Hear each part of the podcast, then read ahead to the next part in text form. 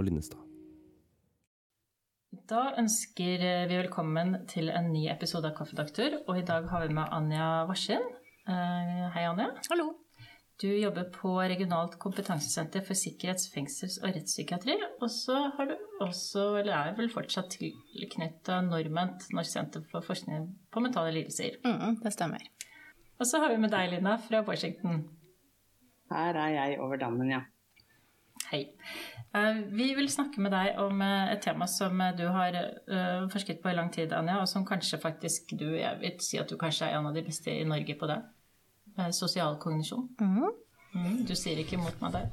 Eh, nei. Nei, det er bra. Det er helt riktig. Du er ekspert på det. Fortell litt hva sosial kognisjon egentlig er.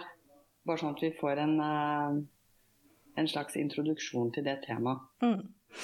Når jeg svarer sånn, eller ikke svarer så mye på det du sier der, Kristin, så er det jo litt fordi at det, det er ikke nødvendigvis veldig mange andre som har holdt på med akkurat den biten jeg har holdt på med i en del år eh, i Norge, da. Um, men sosialkognisjon er litt forskjellige ting ut fra hvilken del av psykologien som man befinner seg i. Så i sosialpsykologien så betyr det noe litt annet enn det det gjør i den um, overbygningen som jeg kommer mer fra, som er nevropsykologien. Så i sosialpsykologien så kan sosialkognisjon kan vise til hvordan um, andre menneskers tilstedeværelse påvirker hvordan én person tenker. Og da er vi litt mer i retning av konformitet. At det er vanskeligere å stå på et ståsted eller en vurdering av en situasjon hvis absolutt alle andre er uenige i det. Og så er det også um, i sosialpsykologien uh, noe som kalles for gruppetenkning.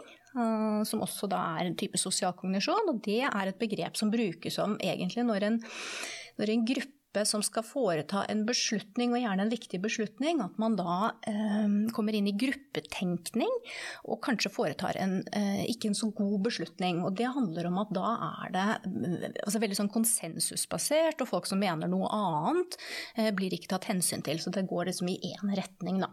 Blir det bare en sånn gruppe? Sosial kognisjon. Mm. At gruppa på en måte er en, en kognisjon ja. på en eller annen måte. Ja, da er det gruppen som på en måte er en, enheten. Da. Dette har, mm. Det er noen sånne eksempler fra politisk historie opp igjennom i forhold til det. F.eks. har det vært brukt om uh, den amerikanske beslutningen om å invadere Irak i sin tid. Da. Men det er ikke det jeg har holdt på med. Så mitt utgangspunkt er egentlig eh, ja, nevropsykologi, hvor vi snakker om kognitive funksjoner som vi måler med hjelp av nevropsykologiske tester. Og da er sosialkognisjon det er en kognitiv funksjon på, på linje med sånn som hukommelse eller arbeidstempo, altså hvor fort det går med oss, hvor fort vi jobber, eller problemløsningsevne. Og da er den definisjonen som vi bruker av sosialkognisjon, det er at eh, så, for å si det, da, så Kognisjon det, det tilsier at det her har noe med tanker eller tenkning å gjøre. Så det er kognitive prosesser. Eh, og så er det jo da det sosiale, som er mennesker. Så sosial kognisjon, fra vårt perspektiv, det er å tenke om andre mennesker. og Det å oppfatte andre mennesker. Så deles det inn i litt forskjellige domener eller områder. Så det kan være mer sånn skal si, enkel avlesning av andre mennesker. Hvilken følelse uttrykker den personen? Og det kan være ansiktsuttrykk, eller det kan være stemme, tonefall, eller for så vidt åssen vi beveger oss. Så det er måte, ja, unnskyld. Kan man på en måte si at empati er en del er en form for sosial kognisjon? Det er en overlapp der. Så jeg vil si at en form for empati, eller en del av empatibegrepet, det er overlapp med et sosialt kognitivt område eller domene. Og det er det vi kaller for theory of mind. Som er da litt mer komplekst enn denne affektpersepsjonen. For det, det tilsier at vi, vi trekker noen slutninger hva er det som altså Man har en teori om en, annen, om en, annen, persons mind eller mentale tilstand. Så hva er det den personen Det kan jo være følelser. Hva er det den personen egentlig føler? Eller hvorfor, hvorfor sa den personen det, eller hva er det som foregår? Så da deles det inn i, i forskjellige typer uh, eh, TOM. Og hvis vi skal gå på inn på empatibegrepet, da, um, så har det um, det er jo skrevet veldig mye om si, begge, begge, disse tingene her. Men eh, litt sånn oppsummert så er empatilitteraturen så skilles det gjerne mellom eh, kognitiv og affektiv empati. Hvor kognitiv empati det er det samme som det jeg og vi da kaller for theory of mind, eller TOM. Mens affektiv empati det er da en følelseskomponent, hvor man faktisk da deler på et vis da, følelsen til den andre mennesket, menneske som man da observeres.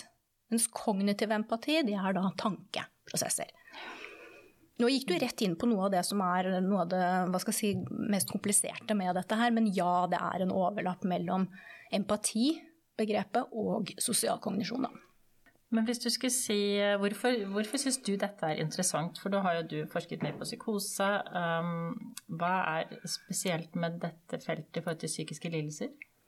Ja, ja, det var jo det det hva skal jeg si, starta med. Um, hvorfor, hvorfor, er det interessant? Og da var spørsmålet da jeg starta med det, i, um, som er en stund siden, det er um, er det sånn at sosial kognisjon kan være interessant? Kan det, kan det spille en rolle?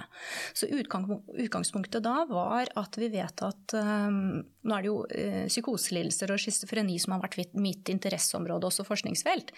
Og så vet vi at selv om det er stor variasjon mellom mennesker med schizofrenidiagnoser, men mange av dem har uh, problemer med å mestre livene sine. Og det kan være både i forhold til å få til eh, skolegang eller jobb, det kan være å mestre sosiale relasjoner og sosiale situasjoner, og så er det det som vi vel kan kalle det å leve, å leve selvstendig, altså klare å håndtere hverdagen sin.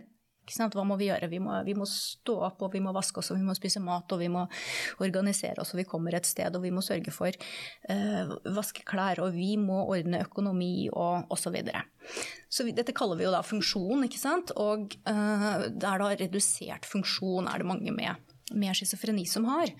Eh, så da jeg starta med det her, så var utgangspunktet at vi så det at eh, kognitive funksjoner, og da altså resultatet på nevropsykologiske tester, det var en viktig prediktor eller underliggende faktor eller noe som virker inn på funksjonsnivået. Og så forsto man ikke helt hvorfor, eller lurte litt på hvorfor skjer det, eller hva er det som skjer. Og da kom sosialkognisjon da inn i bildet. Så det jeg starta med, det var å se hvordan er det hvis vi prøver å, å, å se hvordan sosialkognisjon virker inn på hverdagsfunksjon. Og da har jo forskningsfeltet gått uh, veldig mye videre siden den gang, og det har vist seg at sosialkognisjon er en viktig bestemmende faktor for disse vanskene med å mestre hverdagen og mestre livet, da. Um, så når det ble, ble vist, da, både som vi gjorde og flere andre har gjort, så har det vært et naturlig sted å på, på et vis da forbli, ikke sant? både forskningsmessig og det vi prøver å forstå. Forstå schizofreni psykoselidelse mer, da. Kan du gi noen eksempler på, på sosial kognisjon som ikke fungerer hos eh, f.eks. schizofrenipasienter? Ja, og da har vi jo um, disse ulike uh, områdene. Eller sosialkognitive domenene. Så det, det, dreier seg om å kunne rett og slett um, lese av ansiktsuttrykk. Og gjenkjenne det at uh, dette ansiktet uttrykker overraskelse. Dette ansiktet uttrykker uh, glede eller sinne. Hva skjer hvis man ikke Hvordan oppleves det å være, liksom være dårlig på det, da? For det er på en måte det disse pasientene er. Ja, nei, Det kan jo være at folk syns at, at, det er forvirrende. Ikke klare å, å forstå hva, hva, som foregår rundt seg i, i sosial situasjon. Eh, og blir, blir usikre på andre. Så det, det, er det som da kalles for affektpersepsjon. Ellers når det gjelder det som ligger mer under det theory of mind, eller TOM, så er det det å um, så én ting er sant, det å, å, slutte seg til hva en annen person mener eller, eller, føler eller mener, men det er også intensjonen. Og det å få med seg f.eks. Vi bruker jo det ofte, sånne mer subtile aspekter av språket vårt, som metaforer. Eller sarkasme. Eller ironi. Så hvis du da har problemer da, og ikke klarer å lese av det, eller ikke klarer å forstå det, så går du glipp av viktig sosial informasjon. Og da, da, kan man tenke at man da blir, om ikke skadelidende, så er det i hvert fall ja, at det har noen negative konsekvenser da, i sosial samhandling. Som kanskje kan føre til isolasjon også, da. At man mm. trekker seg fordi man ja. føler seg ubekvem. Ja. Uvel. Ja. Men det er jo ikke bare knytta til schizofreni, dette her. Eh, hvilke andre holdt på å si, tilstander kan vi møte mennesker som har redusert sosial kognisjon? Ja, jeg vil jo si at det um, det starta når man gikk mer inn i skal man si, ja, psykiske lidelser eller andre avvikende mentale tilstander, hva man skal kalle det. Så var det mye ved schizofreni, men også ved autismespekter lidelser, hvor det også i større grad ligger inne i diagnosekriteriene. At det er noe med den sosiale samhandlingen. Da. Så det har det gjort si, lenge i diagnosesystemene. Eh, men vi ser også at det er til stede ved en hel rekke psykiske lidelser. Det er også til stede ved nevrodegenerative sykdommer, som MS eller ALS. Eh, så det er egentlig altså det, er ikke, forbeholdt eh, si, psykoselidelser. Og det tenker jeg, det, dette er um, Eller la oss tenke på det som en kognitiv funksjon. Og det vet altså at uh, ikke-sosiale kognitive funksjoner um, kan også være affisert da, eller redusert til en viss grad da, ved en rekke tilstander. Da. Kan man tenke seg at det også kan være forbigående? Uh, jeg tenker på sånn, dyp depresjon, da, f.eks. Eh, at det kan være tilstander som gjør at man har redusert sosialkognisjon i perioder. Ja, da vil jeg si at det, det, kan, man, det kan, man, se for seg. Og så er det, for, for, depresjon så vet man det når det gjelder ikke-sosiale kognitive funksjoner, at det er litt variasjon med symptom, symptomnivå. Um, og så um, kan det nok hende i en del tilstander at det likevel er noe som er der, også når man ikke er veldig symptombelasta eller symptomplaga. da. Men det kommer nok litt an på hvilken, hvilken tilstand som man, man snakker om. Mm. Mm. Mm. Men kan du si noe om hvordan, hvordan, man jobber for å trene opp denne funksjonen hos eh, eksempelvis psykosepasienter? Hva, hva, man helt konkret gjør? Ja, vi har, vi har gjennomført et, eh, et, eh, en, en, studie av ett treningsprogram, eller en type treningsprogram som tar for seg ett av disse sosialkognitive eh, domenene, som er affektpersepsjon, altså det å gjenkjenne følelser i ansikter. Um, og da er det hos folk som da ikke har, um, har, problemer med å lese av følelser, så er dette her automatiske prosesser. Det er veldig mange av oss som ikke tenker over at ja, men jeg ser at hun uttrykker glede, hun smiler. Eller jeg ser han er han er irritert, han er sint. Så i et sånt treningsprogram så starter man gjerne med å gå gjennom følelsene. Og da må man ta et utvalg, selvfølgelig, og da tar man de såkalt grunnleggende emosjonene og jobber med, med de, da. Uh, går, så det, det er, et sånt uh, viktig ja, det som vi kaller psykoedukativt element. Altså det at det er i det treningsprogrammet så er det rett og slett en opplæring i hva er følelser, hvordan ser det ut. Så da går vi gjennom da hvordan ser da disse ansiktene ut når de uttrykker følelser. Hvordan ser øyenpartiet ut? Og da går man rett og slett igjennom og, og eh, lister opp hvordan ser øyenpartiet ut ved, ved glede, hva med nese, munn og osv. Og, og så må man da eh, hva skal jeg si, terpe på å bruke de ulike verbale kodene, da, som vi kaller det. Og så er det å bruke det på, um, på bilder av ansikter. Dette er da PC-basert. Og så uh, ser man f.eks. da bare uh, Jobber med bare ansikts... Nei, bare unnskyld, øyenpartiet eller bare munnpartiet. Og så må man hele tiden da begrunne hvorfor man sier jeg ser at denne personen uttrykker glede fordi jeg ser at det rynker seg rundt øynene, f.eks. Smilerynker, og jeg ser da at munnviken er trukket oppover. Sånn at folk da istedenfor hos, hos mange så er dette, eller de fleste, så er dette automatisert. Men fordi det ikke er det, så lager man da noen sånne hjelpe, det, hjelpe byggeklosser, eller altså noe som man kan da um, ty, det, ty til. Vet man om eh, disse funksjonene er medfødt svekket hos disse pasientene? Sånn at de, man, man, ser ikke tegn til eksempelvis psykoselidelse før de blir eldre, men at denne kognisjonsevnen er, er dårligere enn hos andre allerede fra de er små? Vet man det?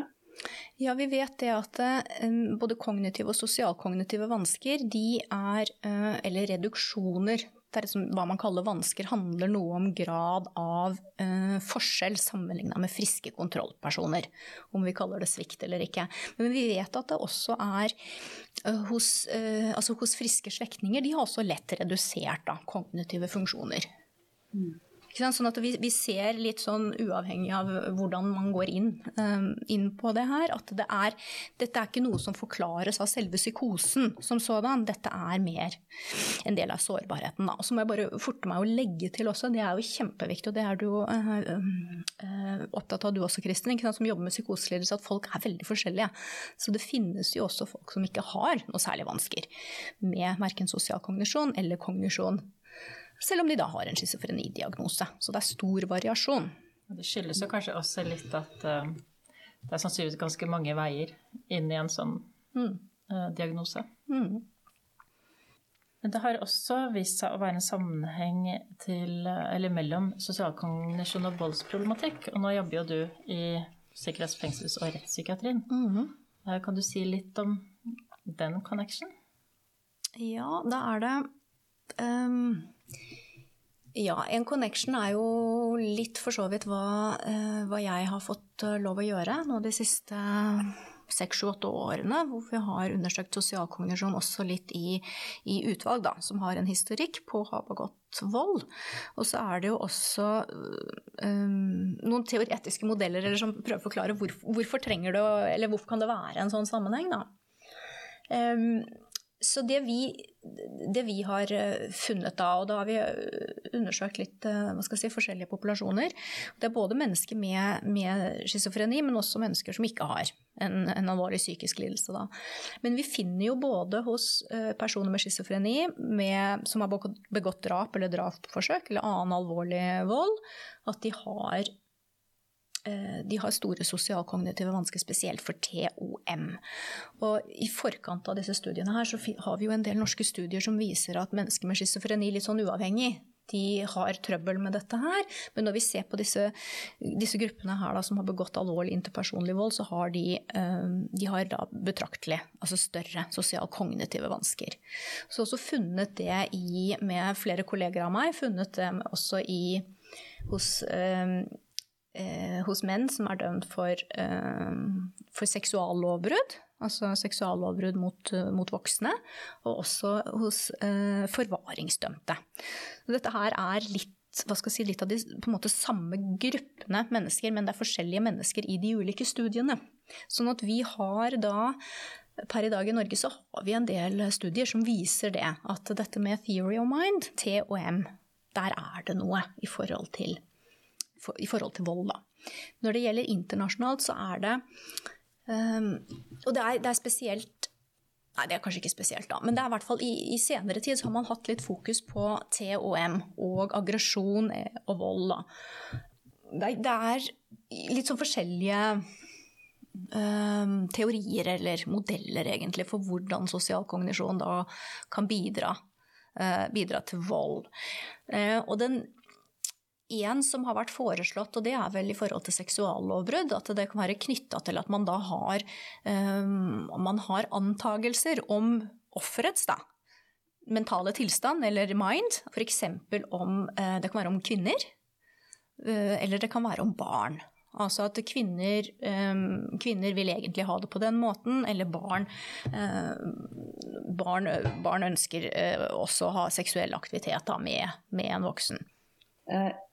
Vet man om det er en sammenheng mellom det du beskriver av eh, disse evnene til å både bevisst og ubevisst sette seg inn i andre menneskers eh, følelse? Eh, er, det, eh, er det på noen som helst måte parallelt med andre intellektuelle evner? Er det sånn at hvis man liksom har lav IQ, så har man dårligere evne til å sette seg inn i andre menneskers følelser, eller det, eh, henger ikke de sammen i det hele tatt?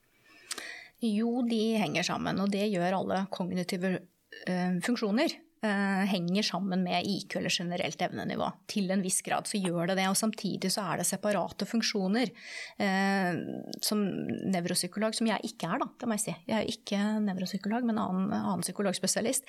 Men det er jo at man gjerne da plotter en profil hvor man da sammenligner litt i forhold til Ikke litt, men man sammenligner i forhold til det som er referansegruppe. Og da kan du få en profil hvor du ser at det er ikke alt som er på det samme nivå som forventet ut fra IQ, da, eller generelt evnenivå. Men uh, Anja, der du jobber nå, så forholder du deg også til en annen gruppe um, som du har jobbet, uh, enn den du har jobbet med tidligere, og det er mennesker med seksuelle avvik. Um, Kan du si litt om hva det er? Hva er seksuelle avvik? Uh, ja, det er jo at man har en um, Man har jo da en seksuell interesse som er retta mot uh, noe som er atypisk. Og det kan jo være uh, uvanlige aktiviteter eller uvanlige objekter, da. Og den seksuelle interessen, du, hvis du skal kalle det et avvik, så er det jo noe som må være til stede i såpass grad at du kan si at den er si, intens og vedvarende, snakker man da gjerne om. Um, og, da, at det kommer til uttrykk både med tanker og fantasier, og, og, og kanskje også atferd. Hva slags type seksuelle avvik er det man har? Som er liksom de som man snakker om. Jeg går ut fra at man kan ha nesten hvilket som helst seksuelt avvik, holdt jeg på å si, men eh, det er, mange, er de ja, det er mange objekter og aktiviteter som er hva skal si, atypiske, eller som ikke er vanlige, som, kan, som noen da kan ha, ja, ha sin seksuelle interesse da retta mot. Uh, pedofili er jo én som uh, som er kjent. Uh, og så er det litt sånn med revidering av diagnosesystemene, så er det, så er det noe som ikke er inne, inne der eh, lenger, da. Men det er eh, Det som har egne, egne kategorier, er voyeurisme. Eh, det er å observere noen som da eh, er naken, eller er i ferd med å kle seg naken, eh, og at den personen da ikke vet at man blir observert. Eller for så vidt å observere noen som har, som har seksuell aktivitet. Og så er det frotterisme, som er å gni seg mot noen som ikke har lyst til å bli gnidd på. ja. Som kan se på T-banen i ja. Tokyo, var jo det et problem, så vidt jeg husker. De lagde mm forskjellige vogner for kvinner og menn i ja. rushtiden. Mm. Det var vanskelig å vite hvor grensene går her. Det er utrolig mange varianter av lyster folk har som sant, Hvor går grensen for hva man kaller det avvik? Mm. Det, er, det, er, det er, en utfordring uh, i hva man skal Det handler jo ja, Det er en stor diskusjon om hva som er Hvor går grensene, da? Med, med, mellom normalitet og patologi. Da. Det som man har lagt vekt på og forsøker å, legge vekt på i diagnosesystemene. Dette er jo veldig hva skal man si, kontroversielt, eller det er et sånt um, jeg vet ikke om jeg sier betent, da, men det er, dette er, dette er, det er, noe ekstra med dette her som er, um, som er litt vanskelig. Da, Fordi dette også går I diagnosesystemene snakker vi om noe er en psykisk lidelse. Uh, da kan du Altså, du bryter noen normer der, men du kan også bryte samfunnets normer i den forstand at du begår kriminalitet. Og da skal du ikke nødvendigvis komme inn Du har ikke, du har ikke nødvendigvis en psykisk sykdom. Og det, det her er en, en, diskusjon som har vært uh, mye opp i forbindelse med revidering av diagnosesystemene. Da.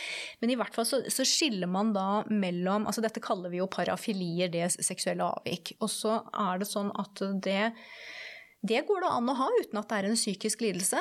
Eh, hvis det er en psykisk lidelse som har noen, noen, kriterier for det, så kalles det da per i dag så er det en parafil forstyrrelse. Så den riktige termen på det per i dag i forhold til pedofili som en diagnose, er pedofil forstyrrelse, da. Riktig. Og dette har jo også egentlig um, endret seg historisk sett. Mm. Uh, tidligere så var vel homofili det ja. gikk uh, også for å være en ikke bare forstyrrelse, men en psykisk lidelse. Det var en psykisk lidelse. Regnes mm. som det tidligere, ja. Mm. Men du har jo skrevet litt om dette Anna, i forbindelse med dyr. Ja. ja. Mm. Tror du du kunne fortelle litt mer om det? For det tror jeg det er veldig få som kjenner noe særlig til. Mm. Ja, så det er jo da en av de hvis vi kaller det parafilier, hvis vi holder oss til det, da. Først så er en av eh, de uvanlige objektene som noen kan ha en seksuell interesse retta mot, det er da dyr. Det er ikke en egen, uh, det er ikke en egen diagnose, uh, så den går liksom i en sånn kategori med, med andre, andre, objekter, da. Ja, og så er det Det jeg har det jeg har skrevet om der, det er jo ikke med utgangspunkt i egentlig om det er en psykisk lidelse, men mer i fenomenet, da. At noen mennesker uh, utøver seksuelle handlinger med dyr. Um, og hvorfor det, eller hva kjennetegner dem, da. Uh, og det er jo antageligvis så er det Eller litteraturen, som er veldig begrensa, tyder på så langt, er at det er to forskjellige grupper. Uh, og den ene gruppa er de som da kanskje da havner mer i den her eh, psykisk lidelse-kategorien, eh, zoofili, som har da en vedvarende eh, og intens seksuell interesse for dyr. Så de tenner på dyr, og de tenker og fantaserer om dyr. Da. Og så har du en annen gruppe som har vært undersøkt litt mer med utgangspunkt i, um, i fengselspopulasjoner. Som ikke nødvendigvis har, at det er motivasjonen da, for, uh, for, å begå den seksuelle, seksuelle overgrepet da, mot, uh, mot, dyr. Hva er motivasjonen der? Uh, det Jeg må kanskje si at dette her vet vi jo Vi vet veldig lite om det. Men noen har jo da ikke sant, en ønske om, om, kanskje også intimitet og nærhet. Eh, noen er det kanskje mer at eh, det var eh, sjansen bød seg. Eller man har mangel på menneskelige partnere.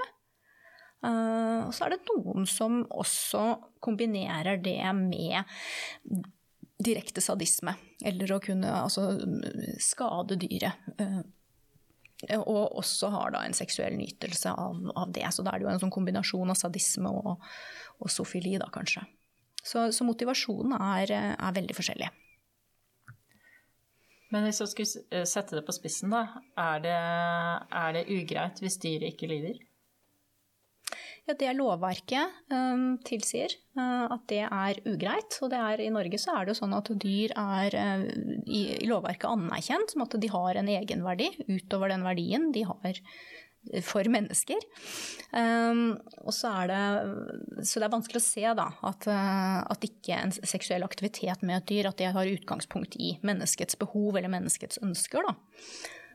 og så er det det som også har vært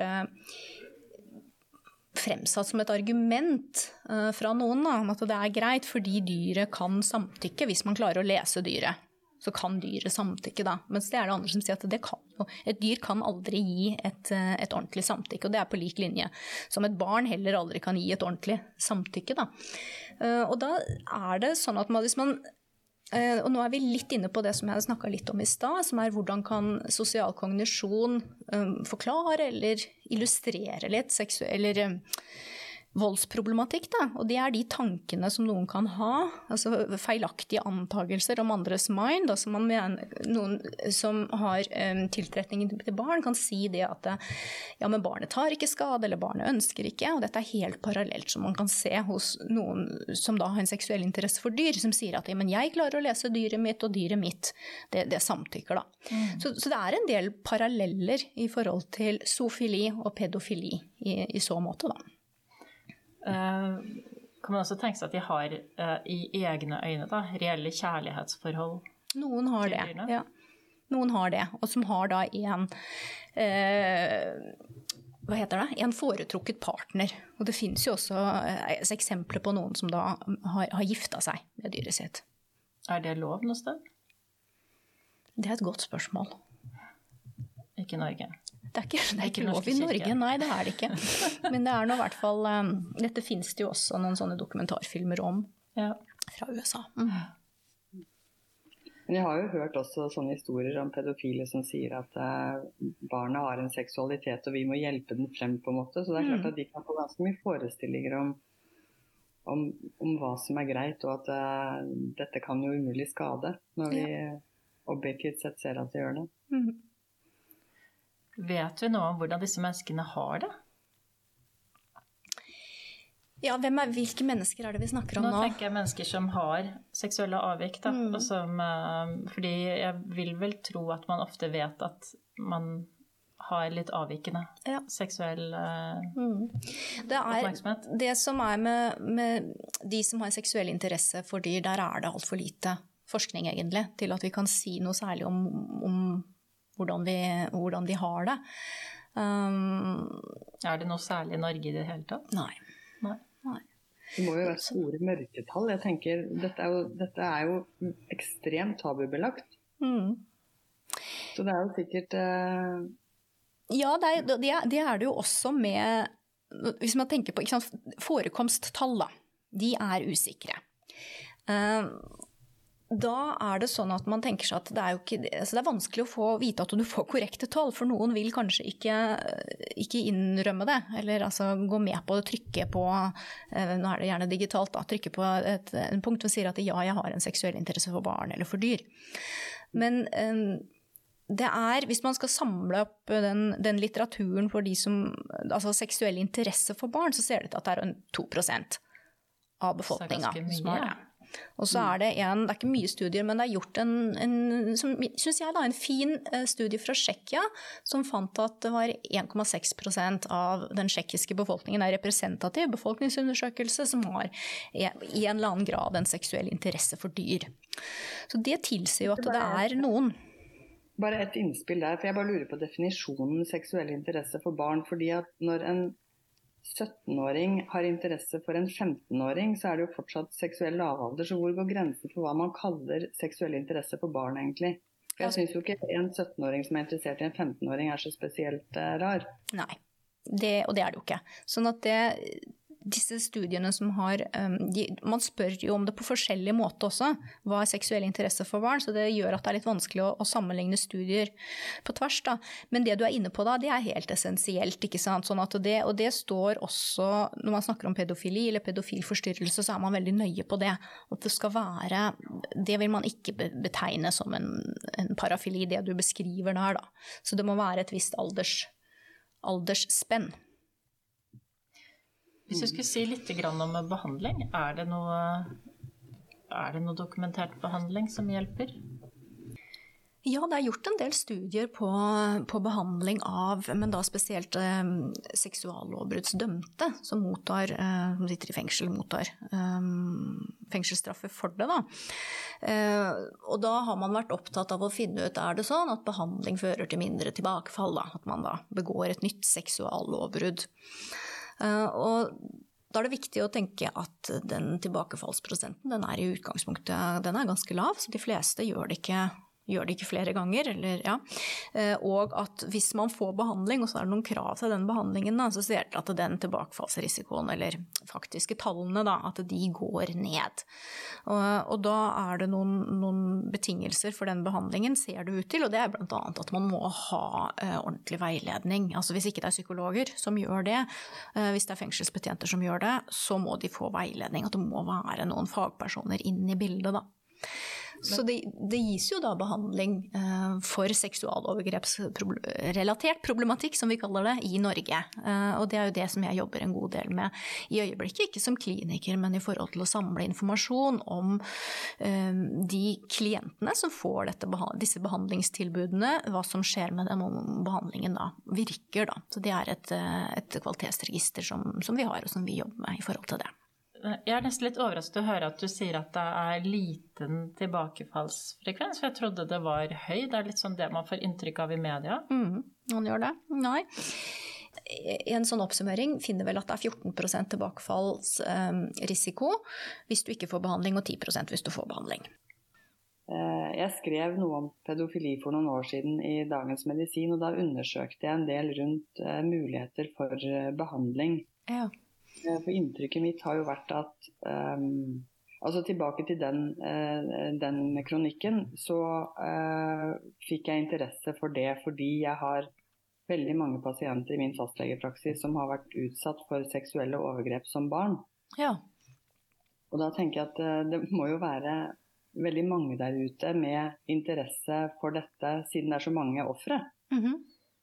Og jeg syns det er så sjelden man kommer borti eh, mennesker som eh, tilkjennegir den, eh, disse lystene og den problematikken, som burde fått hjelp lenge før de kom så langt at de gjorde noe med det. Mm. Der har jeg jo sett at det har skjedd noe de siste årene, at det er lettere å be om hjelp når man har eh, eh pedofile lyster, på en måte. Mm. Ja, det er jo det, er jo det vi, vi, ønsker at det, være, at det, skal være, lett å få hjelp. hjelp da. Uh, nettopp når man da kan kjenne at man har uh, seksuelle tanker og en seksuell interesse for barn, hva gjør man med det? Og da så tror jeg du har rett i det at det er, dette er jo noe av det mest stigmatiserte. Uh, så det å holde det tilbake og ikke drøfte med noen, det er relativt vanlig, da. Men det finnes hjelp er et tilbud for den gruppa som du beskriver der. Så det er et, eh, det er et behandlingstilbud som finnes i alle helseregionene i Norge, som nettopp eh, søker da å komme til tidlig før det skjer noe. Så det er et todelt formål. Da. Det er både det å eh, forebygge seksuelle overgrep mot barn, men også det å, å sørge for bedre liv og bedre livskvalitet hos de menneskene som kjenner at de har seksuell interesse for barn og er redde for å handle på det og ikke vil handle på det.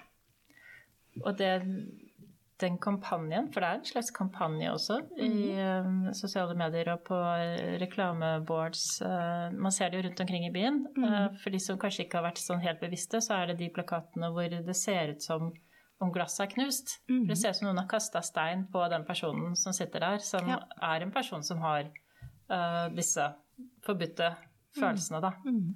Jeg må innrømme at jeg trodde det var knusglass første gang jeg så det. Mm. Men jeg syns også det er illustrerende for hvor stigmatisert det er. At hvis man hører om den gruppa, så har man egentlig litt lyst til å kaste stein. Mm. Eh, så, så, stigmatisert er det. Eh, mm. Og så kan man jo sånn si kanskje med god grunn, fordi det er forferdelige konsekvenser for de det gjelder. Men det gjør jo også at eh, lavterskeltilbud er utrolig viktig. Ja, så Defines hjelp har jo også en, en chatfunksjon, hvor man kan ta kontakt anonymt for å drøfte litt, da, og eventuelt eh, da komme inn til individualbehandling da, eh, senere. Er det noe dere har sett en økning i folk som henvender seg fra dere, det ble opprettet? Ja, det er det. Også, også, det er jo jevnlig jevnlige kampanjer, eh, si både regionalt og, og, nasjonalt. Noe av dette har jo også vært eh, på altså reklame på, på, TV. Eh, så kan man se at det er en, en, en sånn endring i, i forespørsler eller henvisninger. Da. Mm. Og det tenker jeg er, er, veldig viktig, for det her er en gruppe mennesker som, som lider mye. Det er, og det er veldig mange som ikke forteller noe om denne interessen til noen. Da. Uh, og bli gående altså sosial uh, Føle seg veldig sosial marginalisert. Uh, og isolert. Har det ikke greit. En del har også altså selvmordstanker. Når vi har I kvalitetsregisteret så har vi jo fått inn informasjon om um, de som mottar behandling i ulike behandlingstilbud, inkludert i Det finnes hjelp. Og det vi har sett så langt, er at det bekrefter egentlig det man har sett fra den internasjonale litteraturen da, på folk med seksuell interesse for barn. Det bekrefter at uh, de har det ikke, de har det ikke noe særlig bra. Vi har uh, informasjon om hvordan de selv altså de rapporterer selv sin fysiske helse, psykiske helse og sosiale relasjoner. Og da ser vi at at de scorer sammenligna med seg selv veldig lavt på psykisk helse og sosiale relasjoner, også mye lavere enn det vi ser i den generelle befolkningen. Så, så langt så kan vi se også at dette ser ut til å være en gruppe som er i behov av, av psykologisk behandling, da, tenker vi, og støtte. Sånn at det er um, det er, det er, viktig med disse to formålene. ikke sant? Forebygge seksuelle overgrep mot barn, og også ivareta de menneskene som har det. Og Et viktig premiss her er at det er ingen som velger å ha tanker om, eh, seksuelle tanker om barn. Det er ikke noe du velger. Syns jeg var veldig fine avsluttende ord. Ja. Da sier vi takk til deg, Anja. Tusen takk for at du stilte opp. Mm, takk for meg.